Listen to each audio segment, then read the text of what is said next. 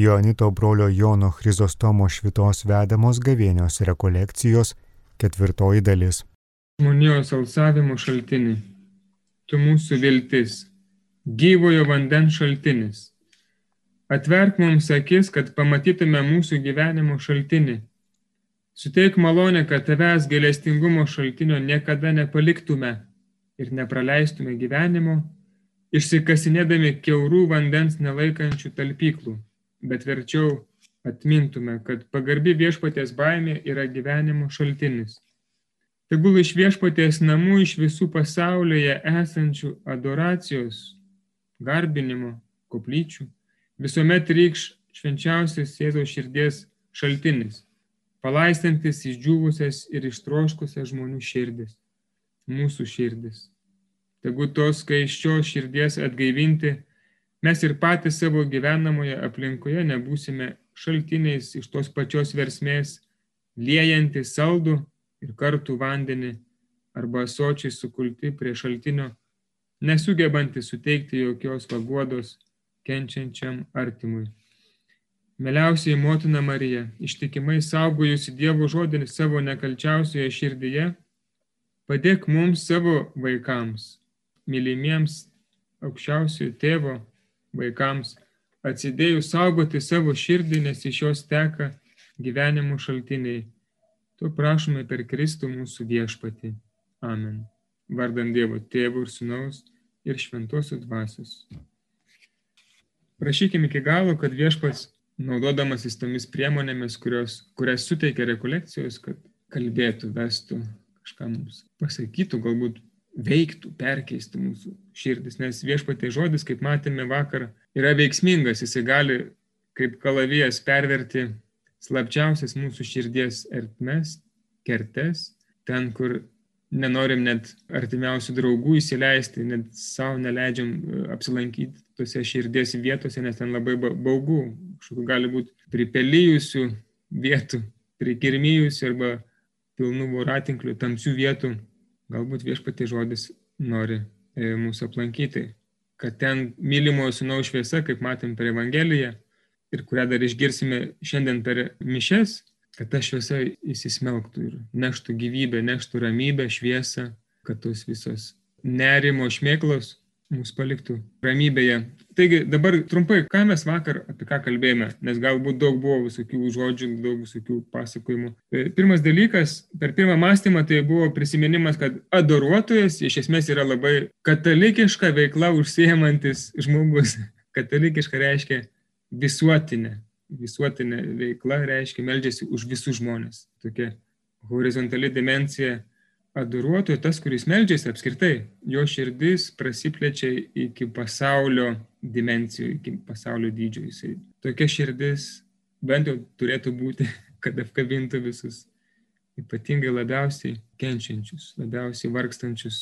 Didžiausias skurdas yra uh, nuodėmė, nes esam per nuodėmę atskirti nuo Dievo meilės, apie kurią kalba šios dienos Evangelija. Antras mąstymas - tai garbinimas mūsų siejantis, e, sieja su gyvybės virkštele, su gyvenimu. Čia buvo tokia vertikali linija, kad man nėra ten labai daug pasirinkimų. Arba žvėries garbinimas su visokiom ten stabų atvaizdų, visokių stabukų, visokiom, visokiom išraiškom, arba gyvojo Dievo, kuris teikia gyvenimą, kuris yra vienintelis gyvenimo šaltinis. Arba mamona, arba Dievas. Nu, nėra tikėjime, kaip sakyti, nėra apskritai gyvenime e, kažkokių ten tarpinių tokių variantų.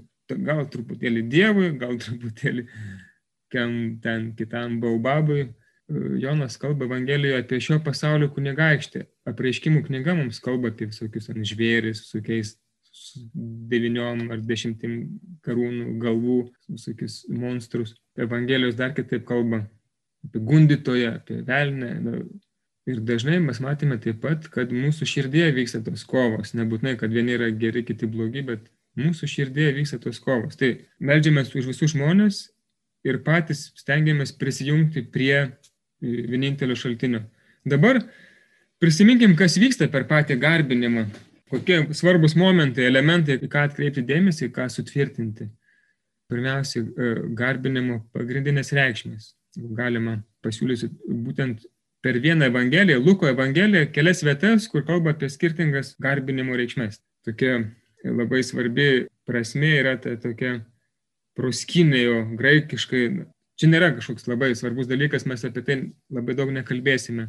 Pažodžiu reiškia išsitiesti ant žemės kryžiumi, nu, kai būna kunigus, pavyzdžiui, kai šventina, išsitiesti ant žemės priešas altorių, reiškia visiško atsidavimo ženklas. E, viešpatė niekuo nebegaliu apsiginti, visas esu tavo, ant žemės, parpuolės veidų, nuolankiai, proskiniau. Ir mes matome, pavyzdžiui, e, kai e, viešpats Jėzus yra gundomas dykumoje, tai buvo praeitų sekmadienio evangelija, bet tokia labai trumpa, morkiška. Luko evangelija, evangelija labiau apie tai kalba, tai ten yra toksai pasakymas kai šitonas prieina prie Jėzus, sako, jeigu parpuolės ant žemės pagarbinsi, tai ta, ta žodis proskinėjo, parpulti ant žemės pagarbinti, ar ne? Mane visa bus tavo. Tai ne šiaip savo velnės, sako Jėzui, žinai, pasakyk man, kad aš esu labai gražus. Ne, jisai reikalauja iš Jėzaus dalyko, kuris yra skirtas vienam Dievui. Žvėris prieina prie Jėzaus, Dievo sūnaus ir sako, kuriejui, pagarbink mane. Įsivaizduojat, koks yra, nu, ta prasme, įžulumas šito gundytojo. Ir Jėzus atsako labai tiesiai, šviesiai, viešpati savo Dievą te garbink, tas pats žodis proskinėjo, ir jam vienam te tarnauk. Čia mes atgrįšime, yra kitas žodis latreuseis, iš kurio kyla kitas žodis latryje, latrijos kultas jam vienam te tarnauk. Šitą žodį proskinijo galima versti labai įvairiai, nu, tų, reikšmių ten visokių yra, bet, pavyzdžiui, tokia pirminė reikšmė yra, kad pabučiuoti žemę, puolant ant žemės, ją pabučiuoti priešais tą karalių, pavyzdžiui, pirminė forma, ten kažkoks galbūt kažkoks tai žmogus, irgi netgi žmogus, prieš kurį išsitėsi paveldinys pareikšdamas visišką pagarbą tam viršininkui. Tai tokia yra daugiau paklusnumo išraiška, ne, kad visiškai su tavo. Gerai, einam toliau, dabar antra e, skaidrė. Doksa. Iš čia kyla žodis doksologija, pavyzdžiui. Luko Evangelijoje, čia labai yra įdomu, yra toksai samarietis, kuris visiškai nepriklauso išrinktai tautai, bet yra toks truputėlį maišyta su pagonėmis, kaip balamas, truputėlį lik Dievo yra mokymo, truputėlį ne. Ir matom labai įdomų dalyką Luko 17 skyriuje, 18 eilutė, bet truputėlį daugiau paskaitysiu, nes kontekstas yra labai įdomus, e, būtent šitą e, doksologijos prasme. Žodžiu, vienas iš tų dešimties raupsuotojų, kurie pasveiksta, pamatęs, kad yra išgyjęs, apsigrėžė 360 ne, kiek čia 180 laipsnių. Apsigrėžė ir grįžta atgal pas Jėzų. Ir grįždamas pas Jėzų, jis ne taip, kad ateina ir sako, ačiū tau, Jėzau, tu man padarėjai gerą darbą, va, tau 5 eurai. Ne, jisai dėkodamas parpuola Jėzui po kojų. Ar ne, jisai, kai pasveiksta, grįžta atgal balsu šlovindamas Dievą. Čia 15 eilutė. Jis dėkodamas parpuolė Jėzui po kojų, tai buvo samarietis Tai tas, kai sako, šlovindamas balsų Dievą, tai yra tas doksa, doksologijos žodis, antra garbinimo reikšmė, kuri gali reikšti šlovinti, garbinti, steigti garbę, garbinti tiesiog. Jo. Ir jisai taip pat puola po kojų, bet truputėlį kitaip negu kad proskinėjo ką tik aptartoje reikšmėje, kur visiškai išsitėsi ant žemės. Truputėlį kitoks niuansas Ir Jėzus klausė, argi ne dešimtis pasveiko, kur dar devyni niekas nepanorėjo sugrįžti ir atiduoti Dievui garbę, kaip tik šis svetimtautis atiduoti Dievui garbę. Doks, ar ne, tas žodis yra šaknis šito žodžio reikšmė. Kaip tik šitas svetimtautis. Prisiminkit vakar, sakiau, kad balamas reiškia svetimtautis. tai mes balamą atrandame samariečio tarsi vaidmenyje, nu bent jau šitą prasme, kad irgi tas pats žodis svetimtautis reiškia balamą. Tai tas nukautas kalavijų Dievo žodžiu pagonis mumise, kuris kartais garbina ne netikrus dievus, gauna malonę, išgydymo malonę, grįžta pas Jėzų ir jį garbina. Ir Jėzus sako, ar, va, čia yra tikras pasveikimas - garbinti. Trečia, sakyčiau, reikšmė po to, kai mes matėme, ne, kad pirmas yra parpulti ant žemės, pabučiuoti žemę priešais tą, kurį garbinu. Antras, nebūtinai parpulti, bet gali būti daugiau toks išlovinimas, dėkojimas, šokinėjimas iš džiaugsmo, nu, gali reikšti ir, ir tokį nusilenkimą. Pavyzdžiui, doksologija. Broliai kiekvieną kartą, kai gėda psalmės, paskui sako garbė Dievui tėvui ir ten lenkėsi. Tai yra vadinama mažoji doksologija. Kai sakau garbė Dievui tėvui ir sūnui šventai dvasiai šitą maldą, tai yra mažoji doksologija. Būtent ta prasme, kaip antrąją prasme. Dabar trečioji prasme Latrėjo, matome vėl toje pačioje Luko Evangelijoje, kai kalbame apie pranašę Oną, kuri pasitinka Jėzų atneštą į šventyklą, kai tėvai Juozapas ir Marija atneša Jėzų paukoti šventykloje. Sakoma, Ona nesitraukdavo iš šventyklos, tarnaudama Dievui per dienas ir naktis pasninkais bei maldomis. Tai tas tarnaudama Dievui per dienas ir naktis yra būtent išreiškia tas žodis latrėjo. Ir čia, kaip sakiau, irgi yra susijęs su garbinimu, tik tais čia Evangelijoje išversta tarnaudama Dievui, bet, pavyzdžiui, iš to žodžio kildinamas kultas, latrijos kultas, reiškia, kad teikiama garbė kiekvienam Dievui šituo kultu. Pavyzdžiui, švenčiausias sakramentų garbinimas, katekizme vadinamas, kad tai priklauso vienam Dievui skirtas garbinimas, latrijos kultas. Šventiesiems mergelė Marija yra specialus, kitoks kultas, atskirtas nuo to, kuris skirtas vienam Dievui. Čia ta, ta prasme, kad nesumaišyti ligmenų. Kartais būna maldose garbiname ten švenčiausią mergelę Mariją arba garbiname Juozapą, kurį švenčiame ir panašiai, bet supraskite, kad yra skirtingos to žodžio, lietuviško žodžio garbinti e, prasmės. Tai ką aš dabar iki šiol sakiau, čia nėra kažkas tai labai, mes labai daugiau nesigilinsime, bet pamatyti, kad pačioje Evangelijoje yra skirtingos garbinimo reikšmės. Vienos tokios, kur nu, yra grinai e, piekžodžiavimas, jeigu aš kažkam kitam tą noriu priskirti, pavyzdžiui, e, kad ir labiausiai tobuliausiam angelui, kuris buvo Luciferis, šviesos angelas. Netgi jo negaliu garbinti taip, kaip vieną dievą galiu garbinti. Doksologija, latrija yra kitokie atspalviai, kitaip garbinu dievą. Pavyzdžiui, pasninkauti, kaip pranašė Ona, tarnauti Dievui per dienas ir naktis einant į adoracijos kuplyčią, uždegant žvakes, pasninkaujant, meldžiantis už pasaulį. Tai yra tas, pavyzdžiui, įeitų į latrijos kultą, bet jeigu ateinate į adoracijos kuplyčią ir išsitėsat kryžiumi prieš Jėzų, sakot viešpatė, visas esu tavo, bučiuoju žemę, atiduodu visas savo, visą savo išmintį, visą savo, ką esu ten labai tokio išmintingo turintis, viską, kas, ką aš turiu tau priklauso, viską iš tavęs esu gavęs, žodžiu, visiškai tarsi išsitrinti Dievo akivaizdai, čia jau būtų toks toksai proskinė jau šito pirmos reikšmės gestas, mostas. Toks. Dabar, e, kaip būtų galima apibūdinti garbinimą, kita skaidrė? Katekizmas, pavyzdžiui, apibrėžia, čia yra nuotrauka, kur diakonai prieš šventimus atsigulė ant žemės visiškai išsitiesdami kryžiaus tokią formą, kad kaimynui ausų neužkabintų, sulenkia rankas per alkūnės, bet paprastai, jeigu vienas pats guli, gali ir kryžimi rankas ištiesti. Katekizmas sako, garbinimas yra žmogaus pripažįstančio save kūriniu, parpuolimas prieš tris kart šventą kūrėją. Trumpas apibrėžimas, kas yra garbinimas, apie ką mes jau dvi dienas kalbame. Pripažįstančio save kūriniu. Va, esminis dalykas garbinime, čia, sakyčiau, toksai dalykas, kuris skiria nuo kontempliacijos, ar ne, jeigu taip jau gilintis į terminą garbinimas, aš save pripažįstu kaip kūrinį. Reiškia, Dievas yra kūrėjas. Aš puodas, Dievas puodžius, jeigu jums labiau kalba.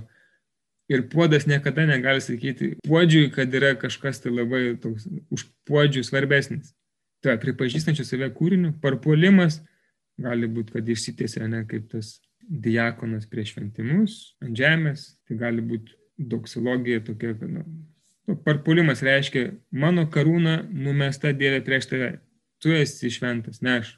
Tu esi gyvenimo šaltinis, ne aš. Prieš tris kart šventą kurėją, čia yra ir trejybės toksai užuomena, bet to labai svarbu, kurėja, šventą kurėja. Šventas reiškia visiškai atskirta nuo to, kas nuodėminga. ten jokie žvėriai, žvėris, jokie pagonės neturi vietos prieš viešpatį, jie visi supleška. Nu, ta, ta prasme, pagonis manėje nusidėlis, tas stabmeldys, jisai neturi ką veikti prieš viešpatį, jisai supleška. Nes Dievas yra toks šventas, kad niekas negali jo pamatyti ir išlikti gyvas, kaip Senajame testamente yra sakoma, ne, dažnai. Taigi adoracija yra Dievo garbinimas, kai visa ko kurėjas yra pastatomas į centrą. Dieve, tu esi mano gyvenimo centre ir tu esi visa ko šaltinis ir tikslas. Alfa ir omega. Aš iš tavęs gavau sielą per bendradarbiavimą su tėvais. Atsiradau iš bendro tokio darbo, bet iš esmės ta mano dvasinė siela ateina iš tavęs. Tai reiškia, kad tu geriausiai mane pažįsti, tu, tu žinai mane kaip nulupta. Tai reiškia, žinai geriausiai, kas man tinka. Dėl to jums sakom, tiesi tavo valia, nes tu geriausiai žinai, kas man yra tinkamiausia. Ir taip pat tas kuriejas yra mano tikslas, ta prasme, pabaiga. Tėvo namai yra mano namai, kuriuos aš einu, į kuriuos e, kreipiu savo širdį. Ir maldas, ir, ir gyvenimo visus tos veiksmus, pasirinkimus. Garbinimas, adoracija, kitaip tariant, latiniškai adoracija, lietuviškai garbinimas, tai yra asmeniškai ir bendruomeniškai teikti Dievui pridaramą kultą. Per mišes yra bendruomeniškai teikiamas kultas, adoracijos kuplyčioje asmeniškai, tai taip pat gali būti melstis Dievui, atnešauti jam aukas, nebūtinai jaučius ir ožius. Čia gali būti ne, ne taip suprasta, jeigu jauč, jaučius aukosite Vilniaus centre, gali, gali būti problemų su gyvūno apsauga. Ne apie tokią auką kalbame, bet, pažiūrėjau, aukoti savo, savo skausmus, savo lygas, savo išbandymus, savo darbus, savo džiaugsmus, savo kūrybą. Galima aukoti Dievui. Tai yra adoracijos išraiška. Taip pat laikytis Dievui duotų pažadų ir įžadų. Garbinti taip pat yra kita įdomi reikšmė įsijungti į visos kūrinijos pašaukimą. Koks yra kūrinijos pašaukimas? Katekizmas primena 62 iš sutrumpinto katekizmo, ne, 62 antras paragrafas sako, kūrinijos tikslas yra Dievo garbinimas ir tarnavimas žmogui, bet tas pirmas momentas, visa kūrinėje yra skirta Dievo garbinimui. Ir kai adoruotojas, kai žmogus, kai tikintysis Dievo kūrinys. Garbina Dievą, jisai įsijungia visos kūrinijos šlovinimo darbą. Įsivaizduojat, kai ateiname į adoracijos kuplyčią, mes esame viso tokia, įsivaizduokit, kad visas pasaulis, visa kūrinė yra didžiulis orkestras. Ir kai ateina adoruotojas į kuplyčią, jis tam orkestrui duoda ne tai, kad diriguoja, nes ten yra galbūt šventoje dvasia, kuri diriguoja tą visą e, orkestrą, bet Bet žmogaus garbinimas yra tarsi tokia aukščiausia nata, tai yra tas smūkas, kuris yra, e, duoda visą žavesį tam e, kūriniui, pasaulio kūrinijos, šlovinimo kūrinį, tam kūriniui atlikimui. Ir tuo pačiu, e, kai Dievas sako Domui, įdirb šitą sodą, tas įdirbimas, Edino sode, rojaus sode, reiškia, kad na, jis duoda vardus tiems visiems gyvūnams, kurias Dievas sukuria, jis tarsi yra tas apjungėjas ir užbaigėjas to kūrimo darbo. Taigi, kai Pranciškus, remdamasis trijų jaunikaičių Danieliaus knygos garbinimu, sukuria Saulės giesmę, ten Saulė, sesi, broli, minulį ir broli vandenyje, visą tai jam padeda šlovinti viešpatį. Tokiu būdu, išreiškia Dievui garbę. E, garbinti taip pat yra įeiti pagarbų santykių su Dievu, išreikšta per Senojo testamento sandoras tarp Dievo ir išrinktosios tautos. Mes matėm vakar, ten Mozė vedė per dykomą tautą, yra daugybė sandorų su Adomu, su Nojumi, Potvano, galiausiai ten Abromas ir ne Mozė ant Siono kalno. Yra daugybė sandorų Ir mes matome Dievą, kuris viena, vienoje sandoroje yra toks kaip kuriejas, kitoje ten drebinantis žemę ir dangų, besispjaudantis ugnimi ir dūmais, sakiai žaibais. Ir yra svarbu matyti, kad per tas sandoras Dievas ruošia naująją sandorą Kristaus kūne ir kraujyje. Taigi, jeigu to nematau, tos naujosios sandoros Kristaus kūne ir kraujyje, kuriais atlieka ypatingai nu, kryžiaus momentu, įsteigdamas paskutinę Euharistija paskutinės vakarienės metu e, šitą sandorą kad ją geriau suprasčiau, man reikia matyti visą, kaip buvo paruošta šita, šita sandora. Ir jeigu aš to nesuprasiu, nu, gali, gali nutikti e, kaip tokiam vaikui, kuris penkiametis ar koks keturių metų, mama atsiveda į adoracijos kuplyčią ir ten vaikas, žodžiu, mato pirmą kartą gyvenime kažkokią tai įdomią saulutę, ten kažkoks blynas būna viduje įstatytas. Ir jisai sako, nu, mamai sako, sako kas čia yra, nu, prasme, mama sako, čia yra Jėzus, dabar mes atsiklaupsime, vaikelį pagarbinsime, lenkis, lenkis labiau, jo, prie žemės pabučiuok žemę. Jie jam vaikui išsako visus ten tos e, garbinimo elementus, e, doksologai išaiškina, kas yra proskinėjo ir latryje, žodžiu, vaikas nieko nesupranta. Ir klausė, mamo sako, mama, kodėl Jėzus toks apvalus ir suplotas, nes jis sako, kad čia yra dievuliukas vaikelė, čia diev, dievas, reikia jį garbinti. Pirma pamoka tokia. Jo, ir vaikas klausia, nu, kaip čia yra dabar, ko jis toksai suplotas. ir tada mama kantriai vaikui aiškina, kad, žinai, nu, Jėzulis yra tokia keptoje duonelėje ir mus labai karštai myli. Tada vaikas, nu, jam ten ilgai nepaaiškins, jisai pertraukia ir sako, o, o kodėl Dievas yra toksai, nu, kodėl jis yra iškeptas, nu, kodėl jisai nekalba. Ir mama ten toliau aiškina, ne, nes kadangi yra kitų žmonių, tai ten labai daug negali vaikui aiškinti, tai trumpai drūtai. Ir kitą dieną vaikas ateina ir ten susitinka su darželiai kokiu ten savo draugu ir jis aiškina jam, kas yra Dievas, žodžiu, ir sako, žinai, Jėzus tai yra toksai menuliukas, nes menuliukas, dievoliukas skamba panašiai. Sako, jis iš labai aukštai nukrito ant žemės. Čia mama aiškina, kad jis nužengė iš dangaus, tapo duona ir panašiai. Tai Vaikas sako, jis toksai menuliukas, kuris iš labai aukštai nukrito ant žemės ir taip susiplojo, kad nebegali pakalbėti. Mama sakė, kad jis karščiuoja. Tai kodėl jis toksai baltas. Suprantate, čia gali būti mums panašiai, jeigu e, nematome tų visų sandorių, kurias Dievas paruošė prieš duodamas Kristaus kūną ir kraują. Čia, kad pritaikyti labiau suaugusių pasaulį, nes nu, vaikai labai paprastai kartais pasako ir galima nusijuokti, bet pavyzdžiui, balta ostija Nu, jis primena kartais ekraną, ekraną, tuščią baltą ekraną, ant kurio kažką tai reikia paaišyti. Ir mūsų vaizduotės, mūsų galbūt kažkokiu tai troškimų, poreikių, įsivaizdavimų projektorius gali ant ostijos projektuoti kažkokią tai Jėzaus įvaizdį. Pavyzdžiui, Jėzus yra tas, kuris išklauso mano visus pageidavimus. Jėzus yra e, pageidavimų koncerto, žodžiu, atlikėjas. Ką aš užsakau, jisai e, man suteikia.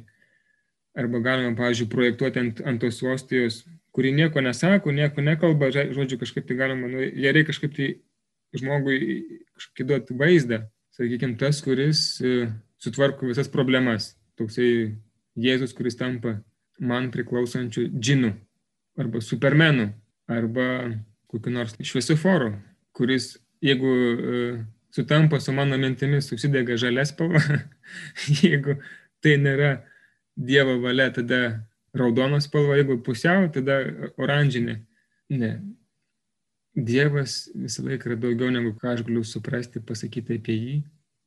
Netgi geriausios paskaitos rekolekcijos, ką sako apie Jėzų, nors remiasi šventuoju raštu, katekizmui ir panašiai, niekada neišsems, kas yra viešpats, jo esmės, jo gylio to šaltinio, jis yra neišsemiamas. Ir geriausia yra nuostata adoracijos kuplyčioje, ne kažkaip tai mėginti jį sudėlioti stalčius, čia galbūt vyrams daugiau tokie patinka užsiemimai, galbūt viskas aišku, sakyti, na, čia Jėzus taip veikia, čia taip, čia taip, čia taip, bet tas parpulimas ant žemės reiškia viešpatė, aš kažką supratau, bet tu esi daug daugiau negu ką aš supratau.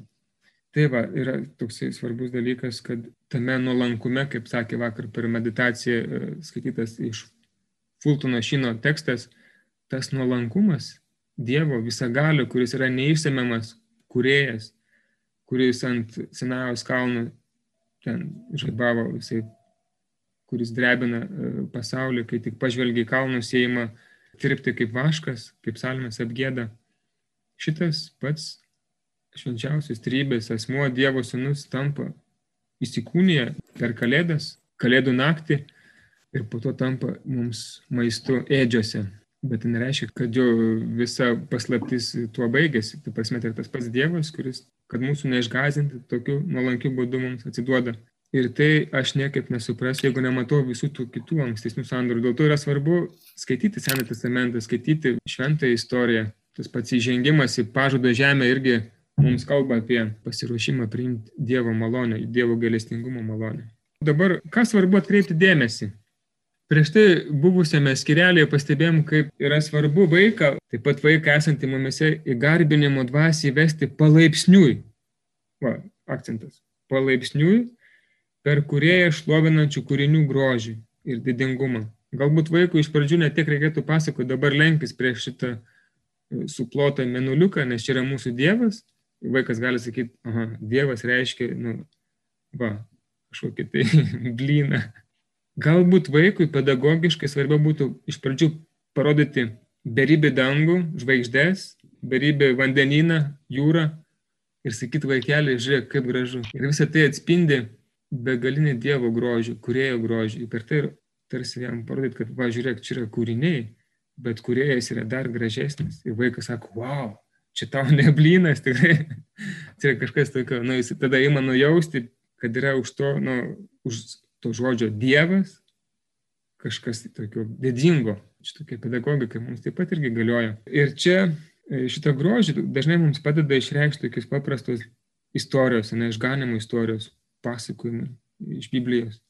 Ir taip pat šitam tikslui labai pasitarnauja sakralinis menas. Pavyzdžiui, katekizmas sako, kad sakralinis menas primena bei išlovina Kristuje atskleistą Dievo slėpinį. Toksai sakralus menas. Ne bet koks, bet nu, vaizdiniu būdu, pavyzdžiui, vaikui, nu ir mums taip pat gali padėti atrasti tokių subtilių dalykų, ne? atskleidžia Dievo kaip iškiliausia tiesos ir meilės grožį. Man yra svarbu pamatyti, kad tas Jėzus, kurį aš garbinu Ostijoje, ne kad jis yra gražus. Tu prasme, Ostijoje nelabai atsispindi kažkoks tai ypatingas grožis, nebent jūs jį nusispalvinate kokiam nors spalvom, rožinėm arba kitokiom. Ir taip pat sakralinis menas veda į kūrenčio bei gelbstinčio Dievo garbinimą bei meilę. Tai, va, tai visi tokie aspektai per kūrinyje, per šventą istoriją, per sakralinį meną. Tai reiškia tai, ką matau, ką užuodžiu, kas man kalba per jūslės, tai pasitarnauja, pavyzdžiui, vaikui, ne, mokant jį, įvedant jį į garbinimą, kas yra Dievas, kaip čia su juo melstis, kaip ją melstis, kaip jį garbinti. Ir taip pat mums tai, tai yra svarbu. Jeigu būdami adoracijos kuplyčiai sakote, kaip nuobodu kaip man atsibodo melstis, vis laik tas pats per tą patį. Tyla, Jėzus nieko nesako. Išsitraukit Dievo žodį, galbūt kokias psalmes, pašlovinkit kartu su, su psalmistu Dievą. Galbūt, jeigu esat labiau meniškos tokios prigimties, galbūt, ką žinau, koks Karavadžio ten mato evangelisto pašaukimo, ta scena galbūt jums sukelt kažkokių tai minčių. Ar ne, arba, jūs išėję į lauką pamatot žvaigždėtą dangų ir sakot viešpatį, kaip nuostabu. Tada adoracija yra kaip E, susitikimas su Dievu, kuris yra nu, nuostabus. Kitas momentas yra labai svarbu niekada neperskirti nuo e, Euharistijos šventimo, mišių ir švenčiausio sakramento garbinimo. Nes Euharistija mišios apriepia ir išreiškia visas maldos formas. Ir ta prasme, prieš kalbant apie maldos formas, svarbu pasakyti, kad Euharistija yra šaltinis tiesioginis adoracijos šaltinis reiškia iš ten, kur kyla, kur ta duona man yra duodama. Tai nėra kažkoks tai iš spintelės ištrauktas vafliukas, kurį kunigas įstato, bet man reikia pamatyti, kad jis ateina iš mišių. Dėl to yra svarbu neatskirti. Jeigu nebūtų mišių, nebūtų ir adoracijos, švenčiausios sakramento adoracijos. Ne, nebūtų, nes per mišes duona yra konsekruojama, perkeičiama. Kristaus kūną atnešama į kuplyčią. Ir tai reiškia, kad e, man šitą Euharistijos šventimą reikia kažkaip tai atrasti vienybėje su, su, su garbinimu ir kad jau eidamas, eidama į mišes, aš garbinu Dievą. Ten yra daug momentų, čia būtų galima atskiras rekolekcijas daryti, kad kaip per mišes aš galiu garbinti Dievą. Nuo pat pradžių įžangos geismė, kai šlovinama, iki ten Euharistijos maldos, kur kunigo žodžiai ten irgi garbina viešpatį už jo meilę, jo E, dovanas, visur įterpti savo padėką, savo prašymus, savo užtarimus, savo garbinimą. Nes atskirti Euharistiją, Euharistijos šventimą, mišes nuo adoracijos, e, garbinimo, Tai būtų panašiai kaip mėginti bokale užkonservuoti meilės bučinį. Nu, tai ne, neįmanoma. Mišios yra meilės bučinys, kurį viešpats duoda. Kiekvieną kartą, kai, nu, tai yra realus bučinys. Ilgą laiką Euharistija nebuvo garbinama kaip dabar, nes mišios pasibaigdavo ir kūn, Kristaus kūnas būdavo su, suvartojamas. Ilgainiui atsirado tas laikymas tabernakulė, kad neštų ligonėms, kurie negalėjo dalyvauti. Ir tik vėliau įsirutuliojo į kultą, garbinimo kultą. Dabar apie tas maldos formas. E, Euharistija apriepia ir išreiškia visas maldos formas - laiminimą, garbinimą, prašymą, užtarimą, dėkojimą, šlovinimą. Tai reiškia, Euharistija yra daug daugiau negu e, adoracija, pavyzdžiui, garbinimas yra daug plačiau. Tai yra toks lobis, kuris mums sudabartina Kristaus kryžių. Ir kai garbinu Jėzų švenčiausiame sakramente, širdimi prisimenu jo meilės auką mišių metu, kuris sudabartina prieš 2000 metų įvykusį įvykį ant kryžiaus. Tai reiškia, kai būna mišiuose tas pats, kaip nusikelti, arba gal paprasčiau sakant, tai yra sudabartinama kalvarijos auka ir aš dalyvauju atnaujintoje, kasdien atnaujinamoje Kristaus aukoje. Ne tai, kad jis kasdien vis iš naujo aukojasi, bet ta pati auka atnaujinama per kiekvienas mišes.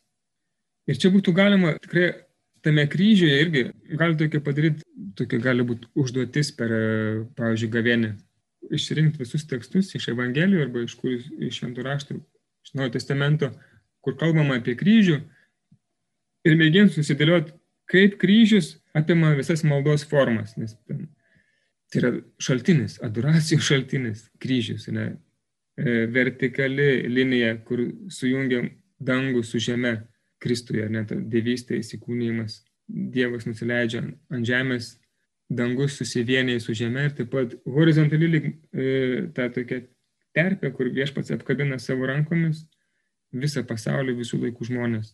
Ir tos dvi e, susijungusios tokios linijos, kas tai yra e, kaip vaisius, kaip rezultatas tai yra sužeista Jėzaus širdis, perdurta, kur matėm vakarą, ne, iš jos trykšta šauksmas, trokštų Tai reiškia, Dievas trokšta būti tas šaltinis ir žmogus šaukia trokštų, nori būti atgaivintas viešpatė tavo šaltiniu.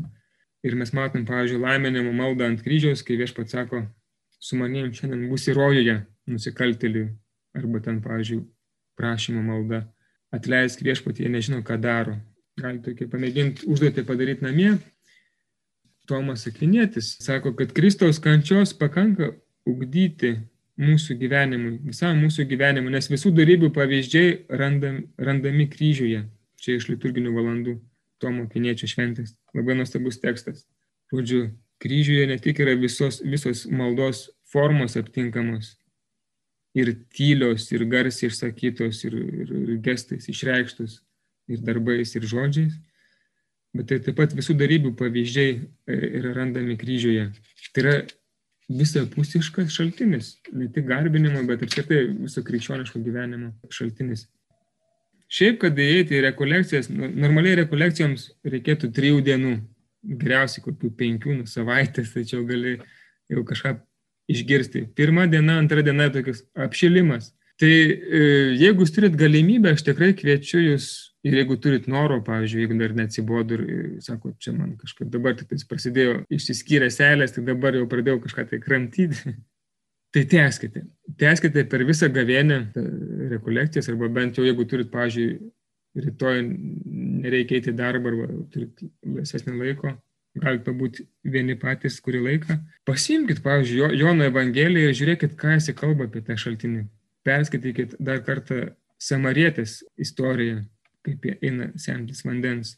Perskaitykit septintą skyrių, kur Jėzus šaukia, kas trokšta ne, iš to van, vidaus plūs gyvojo vandens rovės. Arba galiausiai ten paskutinė ta vieta, kur matome Jėzus pervertą šoną. Arba kitą knygą galite pasimti ir žiūrėti, nu, kur kalbama apie šaltinį. Labai įspūdinga, kai mėginsit viską suvienyti, tai yra ne vienos savaitės ir netgi ne vienų metų darbas. Čia galima, bet va, linkiu, kas turit laiko ir noro pratesti rekolekcijas, skaitant šventą raštą, apmasant, ką viešpats jums sako ir pasiliekant ypatingai tyloje. Girdėjote ketvirtąją dalį Jonito brolio Jono Chrizostomo Švitos vedamų gavėnios rekolekcijų.